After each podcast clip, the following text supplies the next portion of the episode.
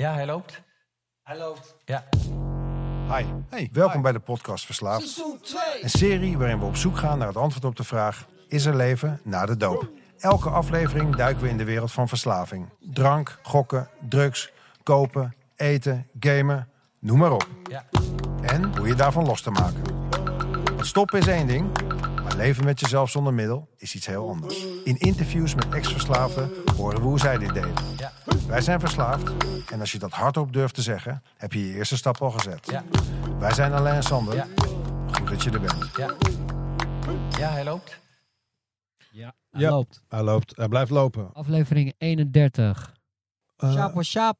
ja, lekker pik. ja, van Pik alles. lekker? Met jou? Ja, pik Ja. lekker. Ja. gewoon lekker. Ehm, we hebben vandaag iemand in de studio. Zeker. Die, een gast die jij geregeld hebt en die ik gewoon blijk te kennen. Ehm, te kennen. hij, is drie, hij, is pas, hij is pas 23. Yes. Zijn lievelingskleur, eh daar is hij vrij specifiek over. Dat Ja. is een, een matte, donkergroene Als het maar een doffe Tint. kleur is. dof. En eh, Dof. ja, misschien tegenovergesteld aan het leven, dat weet ik niet zo goed. Ehm, welkom, Jelle.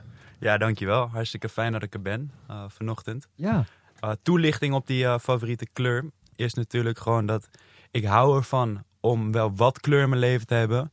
Maar ik hoef nou ook niet over, het, over straat te lopen en eh, felle kleuren aan te trekken. Dus Ja, ja, ja. Ik voel je wel, want eh, ik, ik vond vroeger neonkleuren echt verschrikkelijk. Eh, tenminste, na, tot na de jaren 80, zeg maar. Want Toen droeg iedereen het. Of was het de jaren 90? Nee, jaren 90. Heb jij daarom altijd grijze body, eh beenbescherm, benen? Ik, het is grappig dat je zegt, want jij bent de eerste persoon. Ik zei ook altijd vroeger doffe kleuren. Vind ik mooi. Gewoon, maakt niet uit welke kleur, als het maar mat en dof is. Dus, ehm, ja, Oh, ik begrijp. We gaan Nee. beginnen. Nee? nee. Gaan we beginnen? Ja? Nou, zullen we dat gewoon doen? Ja, jij start de, jij start de voicemail in. Ik zeg, eh, laten we die Is- even doornemen en de berichtjes. En dan gaan we straks verder Ja. met, eh, met Jelle. Dat we daar volledige aandacht voor hebben. Cool. Oké, eh, we hebben dus een aantal berichtjes ontvangen. Waaronder eentje die stuurt... Hey toppers, ik ben jullie podcast aan het luisteren van jullie en Marlijn. Nu hoor ik dat jullie iemand zoeken met een eh, medicatieverslaving. Ik ben in herstel en sinds mei 2020 clean na acht jaar gebruik. Als jullie willen bellen, mag dat. Groetjes, Leontien. Yes. Ja, cool. Leuk. Eh, we waren op zoek naar iemand die daarover wilde praten. En vervolgens krijgen we een berichtje. Ehm, en vervolgens hebben we gebeld. En vervolgens komt ze hier binnenkort praten over eh, hoe het is om eh, daarmee te worstelen en om dat achter je te laten. Dus heel cool. Leontien, Ja. we zien uit naar je komst. Ja, zeker. Dus mensen, als je worstelt met medicatie, er komt een speciale show over. Ehm, wat nog een berichtje volgens mij van Dennis. Ja, klopt. Eh, Dennis stuurt. Hoi Alain en Sander. Ik wil even zeggen dat ik enorm veel respect heb voor jullie openbaarheid, openbarigheid en de liefde waarmee jullie praten en ook anderen inspireren om datzelfde te doen. Hier spreekt een snotneus van 21 die het geluk heeft gehad om nooit een verslaving mee te maken, maar zich wel graag bezighoudt met het onderwerp en hoe we er met z'n allen naar kijken. De taboe, de, apa- de apathie doorbreken, eh, de schaamte weghalen, de belangrijke verhalen delen. Jullie doen, het to- jullie doen het toch maar even. Ik hoop dat jullie rete trots zijn op jezelf. Warme groeten, Dennis. Nou, Dennis, oude, snotneus, bedankt Ja, voor je opbeurende woorden. trots. Ja, zijn we trots? Ja, toch? Zeker. Ik, eh, echt wel. Ik ben vooral trots op jou, dat, je, dat het allemaal zo mooi klinkt en dat je zulke mooie muziek eh, met me wil maken. Ja, ik ben gewoon trots op jou dat jij af en toe gewoon veer in mijn reet steekt. En eh, nee, grapje. Nee, jij geeft me heel veel inzicht en eh, moed. En eh, ook gewoon, eh, ja, afspraken leren nakomen. Oké. Dankjewel daarvoor. Nou, wederzijds. Zullen we naar onze gast gaan? Want die eh, heeft ook zoiets van, wanneer de fuck Ah, begint dit We hebben nog een voicemail, hè? Nog een voicemail. Oh, natuurlijk. hè? Joost met een goed nieuws Ja. eh, verhaal. Ja, Ja. heel kort. Ja. Klaar? Kies 2 om het bericht te herhalen. Hey, Ellen en Sander. Met Joost. Ehm, ja, ik eh, dacht, eh tromgeroffel. Ik eh, heb het gehaald hoor. Ik heb mijn eerste mijlpaaltje, of mijn tweede eigenlijk. Die 30 dagen heb ik opgehaald. En eh, we zitten nu denk ik op dag 40, volgens mij, of 41. En we gaan vrolijk door tot de 60. Ja, man. Nou, ik hoop dat je nog wat langer doorgaat dan de 60, oude pik. Ik heb er het volste vertrouwen in. Fijn dat je luistert. En eh, ja, dat Yes. mag je natuurlijk ook gewoon doen op de voicemail. Even een mijlpaal Ja, erin even blaren. een applausje met z'n allen, jongens. Yes. Hey. Hey. Lekker. Hey Jelle. Goedemorgen. Kan het dan eindelijk beginnen, uh, snotverdomme? Ja, voor mij kan het beginnen. Voor mij kan het beginnen, Heb je er zin in? Ik heb er heel veel zin in. Ik kijk ernaar uit. Hoe gaat het met je? Met mij gaat het hartstikke goed. Ik eh, voel me gezond. Ik voel me vooral mijn kop heel erg gezond. Ja. Ik eh, ben nu ook sinds het nieuwe jaar, is een New Year's resolution, om weer gewoon goed te gaan sporten. Dus te hardlopen. Ik heb een racefiets gekocht. Nice. Dus we gaan er tegenaan. En in de Je zomer... gaat hardlopen, maar je hebt een racefiets gekocht. Ja, nou, ik ga hardlopend op de racefiets, zeg maar. Oké. Dus nee, het idee is dus om op een gegeven moment een triathlon te gaan doen. Ah, Dus ehm, dan, dan komen al die, al die ja, takken van sport komen samen. ja. zwem je al? Kikken. Ik zwem ook al. Ik heb vroeger veel gezwemd als kind. En eh, ja, ik kijk er naar uit om eh, weer oude tijden te gaan herleven. Wauw.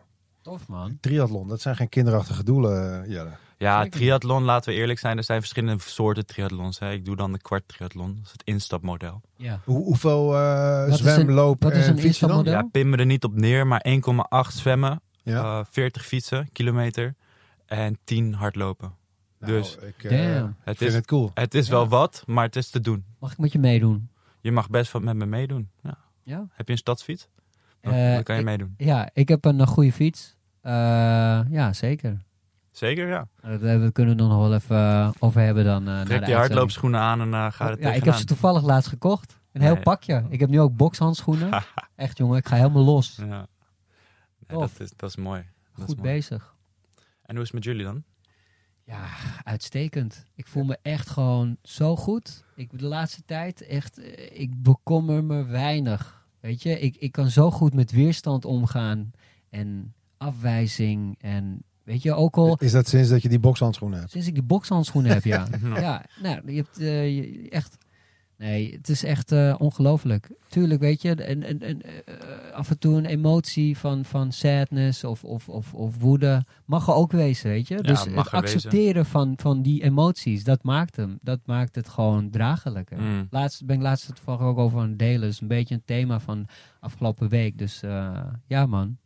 Echt, ik voel me echt geblest. Hartstikke goed. Wat mooi. Ja, Wat mooi. ja.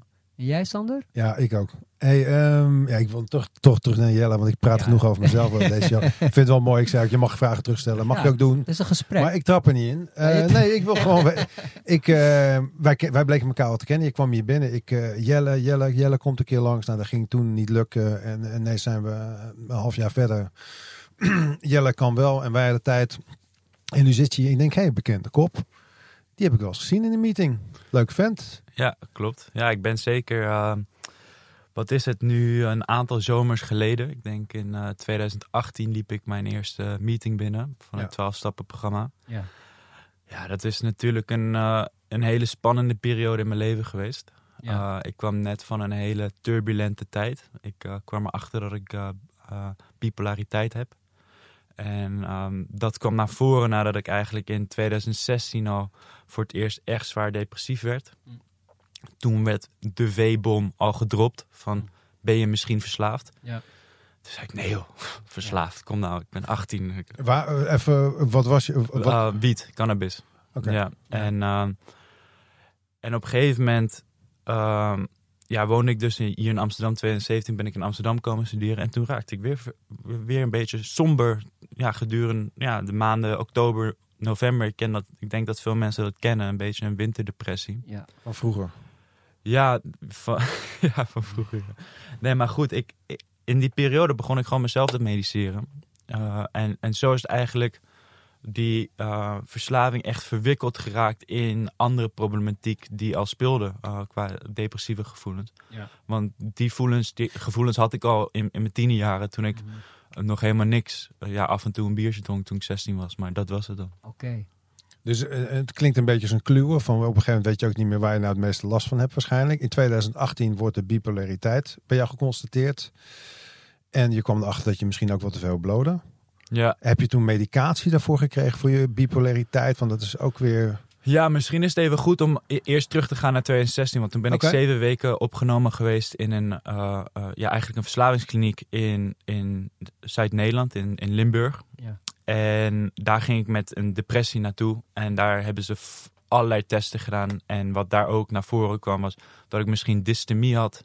En wat is dat? dystemie is zeg maar als jij als persoon jezelf constant eh, wat minder goed voelt dan een gemiddelde baseline. Hmm. Dus dat je eigenlijk een stemming hebt die altijd wat lager is. Ja. Ehm, nou kan ik niet echt zeggen dat ik me heel goed kan vinden in, in, in dat label. Maar ja, labels zijn om, om, om, om erop te plakken, weet je. Ja, dat, precies. daar zijn ze ook voor. Nou, het klinkt best als een lekker label. Volgens mij heb ik het mijn hele leven gehad tot ik stopte met de drugs. Eh, Ja. Dystomie? Dystemie. Dystomie. Dystemie. Maar goed, ik zat daar dus en eh, ik realiseerde me. Mij werd verteld van... Ik zei van ja, ik, ik blow af en toe. En toen werd verteld van... Ga naar, ga naar de verslavingsgroep. Dus ik ging daar zitten als 18-jarige Binky. Of 19 was ik toen.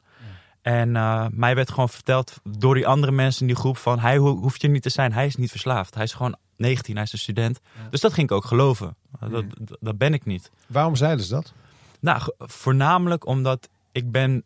ehm, ja, dat, dat bleek daar ook. Ik, ik, ik ben redelijk intelligent en dat heeft ook vaak tegen mij gewerkt. Eh, ik ben vaak mijn emoties gaan rationaliseren. Ik heb ze niet. Ik heb ze weggerationaliseerd. Ik heb ze weggedacht. Ik dacht bij mezelf van. Eerst denken en dan voelen. Ja, ja eerst denken en dan niet hoeven te voelen. Ja, Ja, ja, dat ja, is het eigenlijk. En eh, ja, op een gegeven moment eh, verdraai je jezelf in zulke complexe denkmodellen. Dus jij maakte die andere blowers wijs door je doen, manier van doen, dat jij eigenlijk geen probleem had. Of dat dachten zij in na gesprekken met jou. Ja, blowers eh, ze gebruikten alles en nog wat. Maar het, inderdaad, ja, zij hadden zo'n gevoel van deze jongen die... eh, zijn leven is nog niet kapot genoeg. dat was een beetje wat, ze, wat, wat, ik, eh, wat mij ook werd verteld. En vond jij dat zelf ook? Ja, ik had zoiets van... Wat, wat weet ik als 19-jarige, weet je? Ik ben nu 23, vier jaar ouder. En ik ben wel een stuk wijzer geworden. Maar ik weet nog steeds heel veel niet. En als 19-jarige dan... Ja, je kijkt naar al je vrienden. En ik had vrienden die minder dan mij... Of meer dan mij bloden. Dus ik dacht, ja, als zij kunnen, goed kunnen functioneren... Dan kan ik dat ook af en toe met een En- blootje. En als hele zwaar, eh, zwaargewichten zeg maar, in de drugs tegen jou zeggen dat je geen probleem hebt, dan denk je van nou, jullie zullen het wel weten. Ja, Ja, maar, ja, Ah, nee, nee, ja. absoluut. Nee, absoluut. Ik, ik dacht bij mezelf van, eh, ja, daar hebben ze gelijk in. En de psychologen in dat eh, centrum die zeiden ook van, ja, we willen wel toch dat je blijft gaan. eh, om, om, om je het gevoel te geven wat het is, een verslaving. Ja. Ja, en toen kwam ik wel echt voor het eerst in contact met de destructieve eh, eh, gevolgen. En eh, als we dan vooruitspoelen naar 2017, eind van het jaar. Toen kwam ik gewoon mijn bed niet uit, vier dagen lang. Eh, omdat ik gewoon vier dagen lang had gebloot. Maar oh, he- heel even, want je gaat naar Limburg, een verslavingskliniek, omdat je last hebt van bipolariteit. Nee, nee, nee. Omdat ik last had van een hele zware depressie. Waar Van een niet zware de- de- Ja. depressiviteit. En, en zij zeggen, ga eerst maar bij de verslaafde zitten om uit te vinden of je een verslaving hebt, toch? Ja, ja om- als, als onderdeel van het complete behandelingsplaatje. Ja. En eh, ik moet je eerlijk zeggen, ik heb daar heel veel aan gehad aan, aan, aan die tijd. Ik heb daar veel geleerd. Hoe lang heb je er gezeten? Zeven weken. Ja, het was tijdens het EK van 2016, weet ik nog heel goed. Ik heb geen enkele wedstrijd kunnen zien. Dat is best lastig als je niet van felle kleuren houdt. Eh, ja. nee, zeker. Nee, het was, eh, het was een, eh, een, een. Als ik er nu op terugkijk, denk ik bij mezelf. Ik was jong. Echt heel jong. En ik ben nog steeds heel jong. Maar ik zat daar toen al met problemen. En dat werd mij ook verteld van. Waar je over nadenkt, de vragen die jij je a- a- a- stelt, ehm, dat zijn vragen die mensen pas gaan stellen als ze 40, 50 zijn. Dus Ja. Wat, noem, er, noem er eens één. eh, Voor, nou, van, van die vragen. Oké, als ik als persoon bepaalde ehm, eh, capaciteiten heb. Ik, ik kan een aantal dingen, maar ik kan ook een aantal dingen niet. En als ik niet weet wat ik kan, wat, he- wat, wat heeft het dan voor nut om te leven? Zeg maar. Dus echt die existentiële vragen over het, het, eh, waarom bestaan we? Eh, wat zijn de redenen waarom we bestaan? Eh, ehm, ja, echt van die doemgevoelens. Van het hoeft voor mij allemaal niet. Zeg maar, ik, ik hoef niet te leven als dit het is. Zeg maar. En maar vo- vond je het, was je bang dat je die antwoorden niet kon vinden? Of was je je aan het verdiepen in? Zat je te veel in met je neus in Nietzsche? Of wat? Daar werd ik ook een beetje depressief van, als ik het al kon volgen. Ja, ja nee, het is. eh, ik, ik denk dat het voornamelijk was dat ik eh, mezelf heel erg spiegelde aan de mensen in mijn omgeving. En om, om een beetje achtergrond te geven, ik ben in het buitenland opgegroeid. eh, in mijn tiende jaren ben ik naar Nederland gekomen. Heb ik hier de internationale school afgemaakt. Welk, welk land woonde je? Uh, Indonesië, Vietnam en Budapest heb ik gewoond. Dus je hebt veel gereisd? Ja, ja met mijn ouders uh, ja. gedurende mijn kindertijd. Um, en dan spiegel je je aan de lokale bevolking als je daar bent? Ja, daar heb ik me dan heel erg gespiegeld. En dat is ook wel die gevoeligheid. Ik heb me gespiegeld aan hoe die mensen leven en hoe ik, me, hoe ik leef. En dan had ik zoiets van, ik heb het hartstikke goed. Ik ben bevoorrecht met alles wat ik heb. Met, met de, de mogelijkheden die voor mij klaar liggen. Die zij uh, niet hebben? Die zij niet hebben. Maar ook toen ik terugkwam in Nederland, toen ging studeren in, in Utrecht. Ik ben gaan studeren aan de University College. Nee, maar heel even, heel even want daar komen we wel. Maar wat gebeurde er dan als je jezelf spiegelde aan die andere mensen? Dan voelde je je bevoorrecht? Nou, ik, ik, ik, het bevoelde me bevoorrecht, maar het is een beetje uh, putting a, uh, a square peg in a round hole. Weet je? Voelde je niet thuis? Of je ja, voelde je, je niet... Hebt, je hebt een gevoel, maar je kan het nergens plaatsen. Dus je, je weet niet wat dat gevoel is. Maar wacht even, je zei net iets in het Engels. Betekent dat uh, je voelde je in een hokje of in een, in een, in een, in een uh, hoekje? Nou, zeg maar, als jij een gevoel hebt, en dat heb ik nu geleerd, is dat laat je zijn. Ja. Dat, dat gevoel, dat uh, geef je de ruimte om eventjes er te zijn en dan geen aandacht aan te besteden, maar te laten zijn. Ja. Wat ik toen de tijd had, was dan kreeg ik een gevoel en dan keek ik naar dat gevoel en dan denk ik, waarom voel ik dit? Wat is de reden, precies de reden waarom ik dit voel? En Dus dat op een hele rationele manier hele willen rationele- wa- waarom, je, waarom je dat voelt. Ja, ja, en dat is ook een van mijn makken, is dat ik dingen heel snel rationaliseer. Dus op een gegeven moment, ehm, wat ik daarmee bedoel, is dan krijg je gevoelens die van existentiële aard zijn, waar geen antwoord op te vinden is. Want je Ja. noemt net al Nietzsche, die heeft ook niet een definitief antwoord, die heeft een theorie. En verschillende filosofen hebben een theorie. Ja, er is geen definitief Eh, antwoord. Precies. En eh, dat is ook iets wat je zelf ondervindt gaande je leven, denk ik. Eh, ik bedoel, ik ben nog maar 23, maar daarin heb ik wel veel stappen gemaakt van... oké, wat is nou voor mij belangrijk? En Ja, laat ik, kan- het- ik kan me ook voorstellen, als je daar woont, en ik weet natuurlijk niet hoe je connectie was. was je, je was een kind natuurlijk toen je in Vietnam woonde. Toch onder de tien, toch, zei je? Of ja, onder de Ja. tien. Ja, ja.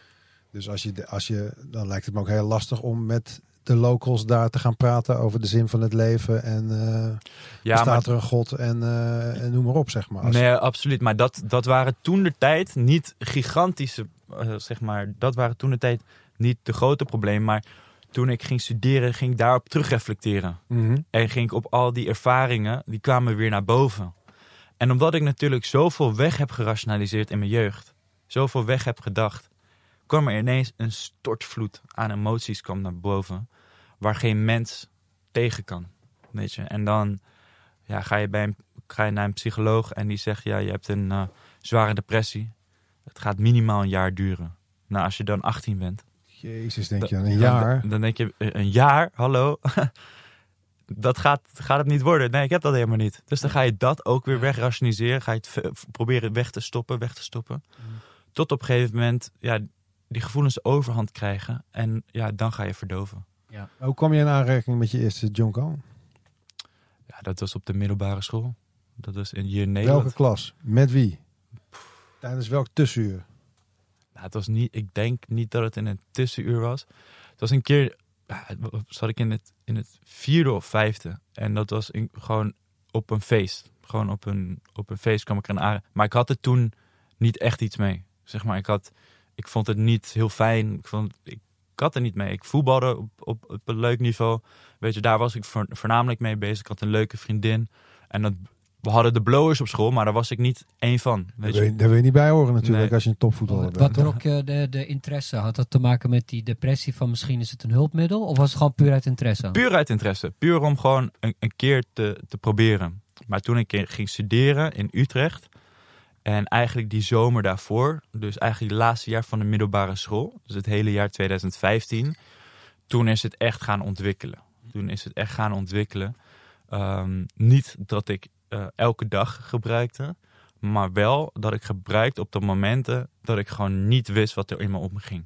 Dus ik, ik wist niet wat ik voelde, uh, Ja. waarom ik op bepaalde mom- momenten dacht zoals ik dacht. Ehm, en een van mijn grootste makken op dat moment is geweest dat ik gewoon keihard heb gemanipuleerd. Uh, ik heb de psycholoog op mijn vinger gebonden. Ik heb tegen mijn ouders gelogen, tegen iedereen die... Waar, waarover heb je gelogen? Over je gebruik? Ja, over mijn gebruik, dat het allemaal wel meeviel. Weet je, Ja. dat het recreatief was. En het was ook recreatief, omdat het in mij wat, wat blode je dan? Eh, Uh, hash. Ja, hoeveel? eh, wa- Ja, je hebt, Rookt hij dan de hele dag door? Nee, nee, nee, nee, nee. Gewoon elk. Er waren periodes waar het gewoon de hele week s'avonds was. Ja. En dan met vrienden, want ik woonde op een campus. En dan is de definiti- definitie is recreatief, omdat je het met vrienden doet. Ja. zo manipuleer je ook een definitie. Want dat is natuurlijk niet recreatief als je het elke dag met vrienden doet. Ja. En niet al mijn vrienden deden het elke dag. Nee, maar er waren genoeg vrienden die bloden. Ja, jij Dus- deed elke dag met Ja, andere ja, vrienden. precies. Precies. Dus Ja, dan, ja, ja. dan ga je het opzoeken. Ja. Uh, Ja. En en dat is wel echt, eh, ja, voor mezelf voornamelijk ehm, maakte ik dat bruggetje van, hey, het kan niet zo heel erg zijn, weet je, maar an- de andere jongens doen het ook, weet je. Of, En voelde je dan ook altijd super slim als je dan mensen voor de gek kon houden? Of niet? Had ik altijd. ja, super- zie je wel dat ik slim ben? Iedereen, niet iedereen trapt erin gewoon. ehm, nou, ik had meer gewoon een vengeance eh, op een gegeven moment. Ik was boos. Ik was echt heel boos op, op alles. Eh, voornamelijk op mijn ouders ben ik een tijd echt heel boos geweest in mijn depressie, toen de tijd. Omdat ik zoiets had van, het komt door jullie. Ja, zijn hun genen. dat ik, nou niet alleen genen, maar het komt door jullie dat ik in het buitenland ben opgegroeid. En daar liggen alle problemen. Ja. Weet je, daarom voel ik me niet een Nederlandse jongen. Daarom heb ik geen gevoel dat ik net zo ben als persoon X. eh, en niet zo ben als persoon Y. Ja. Niet wetende dat persoon X en Y ook problemen hadden. Mhm. Weet je, ik keek naar de ideale versie van een andere persoon. Daar spiegelde ik me op af. Zo. Haalde ik alles eruit wat ik niet was.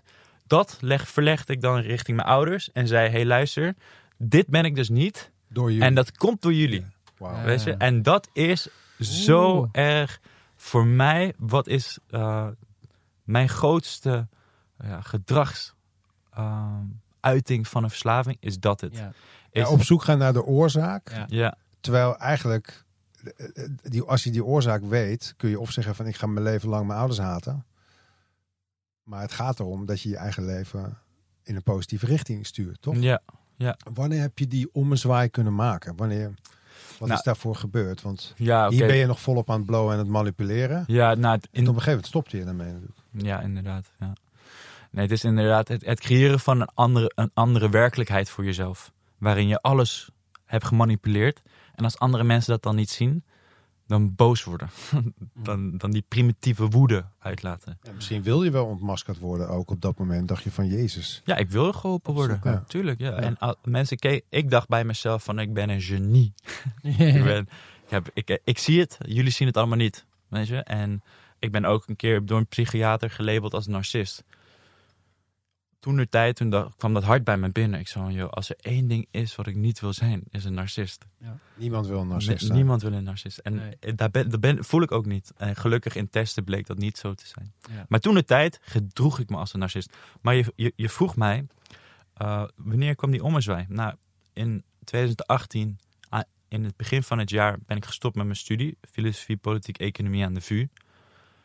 Uitgeschreven op Studielink, geen andere keus. Nou, dan valt je structuur weg. En wat ik echt heb geleerd is, structuur is voor mij essentieel. Dus een van de hoekstenen van hoe ik leef op dit moment, is dat ik structuur probeer aan te brengen bij mezelf. Uh, maar goed, dat viel dus weg. En dus raakte ik in een depressie, manie, psychiaters, lithium, 1600 milligram. Dat zijn vier van die tabletten. Uh, om in een therapeutische uh, zone te komen. Ik ben opgenomen geweest in de GGZ, uh, crisisdienst, uh, omdat ik suicidaal was. Ik heb op het dak van mijn ouders gezeten, omdat ik suicidaal was. Ik heb ruzie gemaakt met mijn vader, omdat ik op zoek was naar iets om mezelf mee om te leggen. En dat was allemaal in een periode van april tot en met juli. Totdat, uh, 2018. 2018. Totdat ik met vrienden, um, zijn nog steeds hele goede vrienden van mij, uh, voetbal ging kijken in een, in, in een of andere tent hier in Amsterdam-Oost. En ik stond daar, het was België tegen Frankrijk. En aan het eind van die. Ik had toen al met mijn ouders afgesproken: ik ga stoppen met blowen. Want het helpt niet in mijn herstel voor mijn bipolariteit. Het helpt niet. Weet je, het is een eh, een artificial stemmingstabilisator. En op het moment dat het uitwerkt, dan schiet je weer op en neer, op en neer, op en neer. Dus dan heb je er niks aan. Dus dat had ik al besloten. Maar toen de tijd, na die wedstrijd, fiets ik naar huis en ik voelde me rot. Echt rot, onzeker. Ik, voel, ik wist niet wat, waar ik kon plaatsen. Dus ik had twee keuzes. Of ik ging blowen, of ik ging dood. Dat, dat was voor mij de keuze op dat moment. Maar ik had gezegd, ik ga niet blowen. Dat ga ik nooit meer doen. Dus dan moet ik dood. En toen heb ik in mijn kamer in Amsterdam heb ik geprobeerd mezelf om te leggen. Godzijdank is dat nooit, is dat niet gebeurd. Maar toen werd ik wakker de volgende dag in het OVG in Oost. En toen realiseerde ik me van, fuck man. Dit is your rock bottom. Hier ben je er, zeg maar. Wow. Erger dan dit kan, kan niet. Zeg maar dit. Maar jij, jij zegt van of ik moest stoppen met blowen of ik moest dood. Ja. Dacht jij dat, ehm, dacht je dat, je dat het je niet zou lukken om te stoppen met blowen en dat je daarom dood moest? Was dat, is dat dan de conclusie die je daaruit kan halen of niet? Ik wist op dat moment niet hoe Ja. ik zou kunnen stoppen. Maar je wilde dat het stopte en dan ik, was ik wilde dat het stopte. dan maar maar dat alles stopte ja, of zo. maar ik wou. Nee, niet zozeer dat alles stopte. Maar als ik Maar dat is toch een logisch gevolg van de dood. Ja, zeker. Maar het was meer zo. Als ik niet kan stoppen met blowen, dan moet ik doorgaan op de manier waarop ik nu leef. En dat wil ik niet. Ik wil niet. Het was voornamelijk die bi- bipolariteit, die depressie, manie. En op een gegeven moment, op die tijd, achteraf heb ik dat gesproken met een psychiater. Was ik waarschijnlijk manisch en depressief tegelijk. En oh, dat kan ook nog. ja, en daarom is het zo gevaarlijk, wat bipolariteit. Is omdat je de zware gevoelens hebt van een depressie en de impulsiviteit van een manie. Want het was in een split second was het besloten van vandaag ga ik dood. Hey, mag ik eh, misschien, als je niet wil zeggen, zo, maar wat, wat, hoe heb je het geprobeerd? Ik heb, eh, ja, wat, wat mijn redding is geweest, dat ik, eh klinkt misschien heel, heel lullig. En, en ik, ja, ik, heb, maar- ik heb daar met mijn ouders, hebben wij echt een hele goede band nu. Maar Ja. ik heb toen mijn vader gebeld op de fiets. En ik heb tegen hem gezegd van, hé, hey, ik ga dood. Ik ga nu dood. En ja, dat is het. Dus toen kwam ik thuis en toen had ik hem op speakerphone. Ik zei, ja, ik ga het doen, ik ga het doen. En toen was ik gewoon aan het zoeken naar een kabel. En toen heb ik geprobeerd met een, eh, een internetsnoer, maar die brak. En eh, toen lag ik op de grond. De politie was erbij, die had mijn vader gebeld. Mijn vader was er.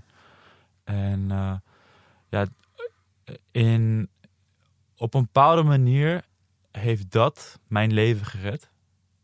Zoals ik nu erbij zit. Omdat ik in dat ziekenhuis al een opluchting van me afviel. Er viel...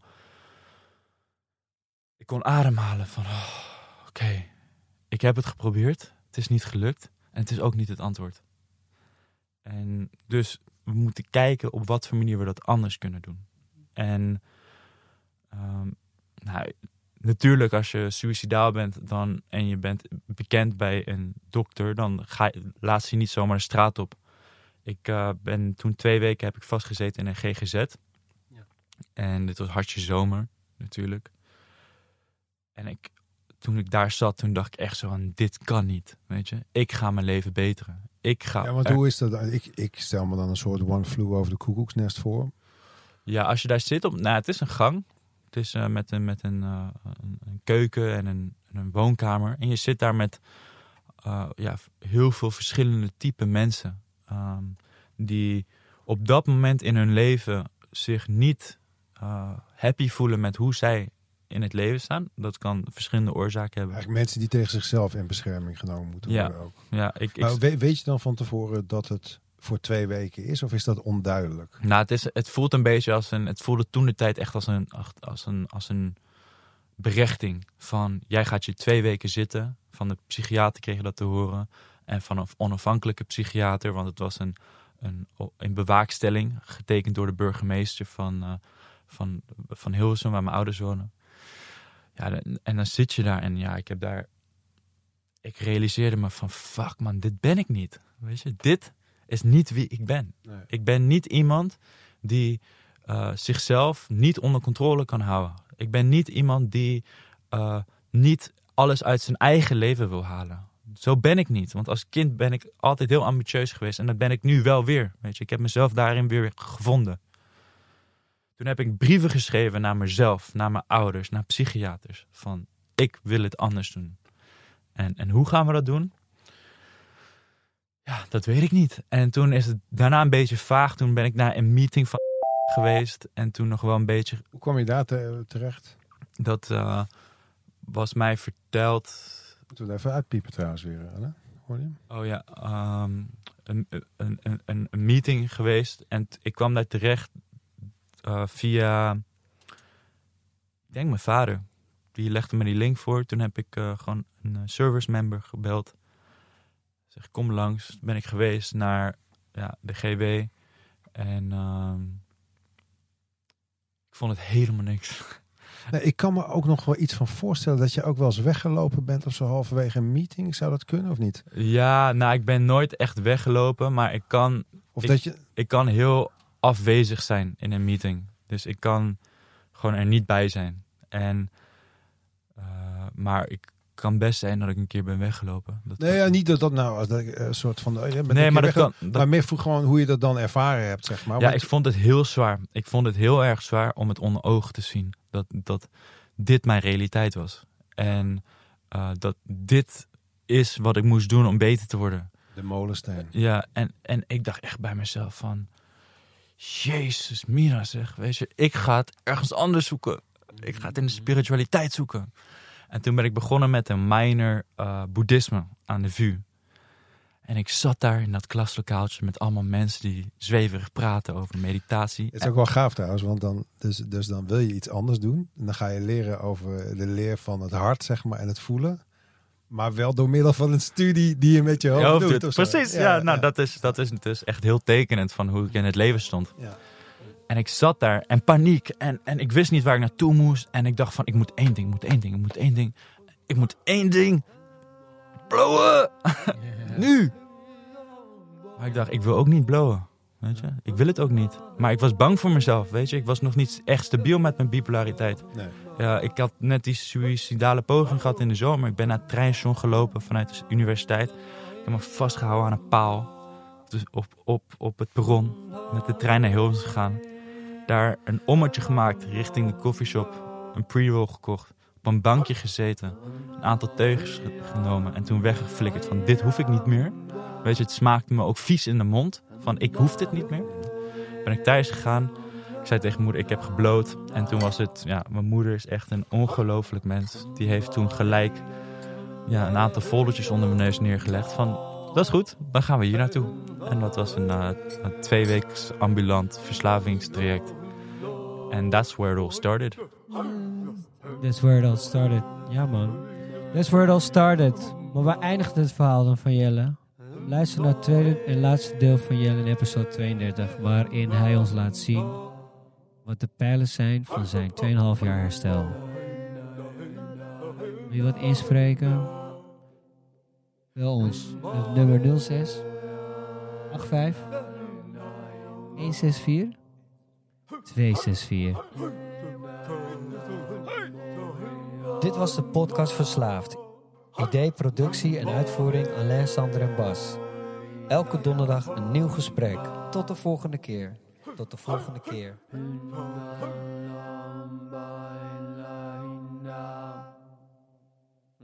Now. but